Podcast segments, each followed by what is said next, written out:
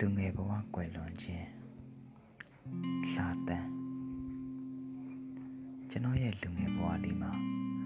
ဘာသာစကားပြောသင်တန်းတွေကွန်ပျူတာသင်တန်းတွေ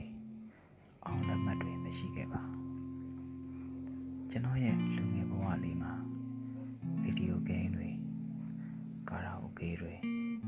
စိတ်ကြွဆေးပြားတွေလည်းမရှိခဲ့ပါကျွန်တော်ရဲ့လူငယ်ဘဝလေးမှာရေဒီယိုတစ်လုံး ဂီတာတစ်လက်နဲ့စာအုပ်တစ်တစ်တာပဲရှိခဲ့ပါတယ်ကျွန်တော်ရဲ့လူငယ်ဘဝလေးမှာရုပ်ရှင်အောင်တည်တာအငြိမ့်ချမ်းဆုံးခုနာရတခါတရံစိတ်ပြေပြောက်စရာအပြောင်းစာအုပ်များနေတာကျွန်တော်ရဲ့လူငယ်ဘဝလေးမှာစပိန်လေးတစ်စီးတောင်မရှိခဲ့သလိုကြီးစားလည်းတစ်ယောက်မှမရှိခဲ့ပါကျွန်တော်ရဲ့လူငယ်ဘဝလေးမှာ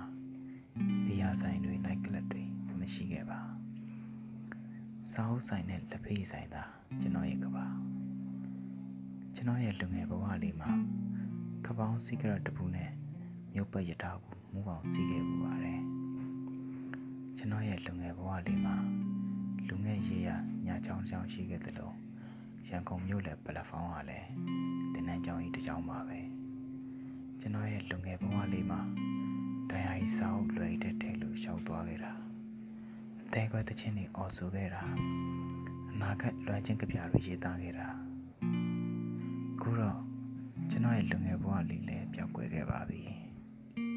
တတိုင်းပြည်လုံးကိုဖျက်ဆီးသွားတဲ့ကောက်ကောက်ကွေ့ကွေ့မြစ်ကြီးထဲမှာကျွန်တော်ရဲ့လူငယ်ဘဝလေးဟာနင်းမြုပ်ပျောက်ကွယ်ခဲ့ပါပြီ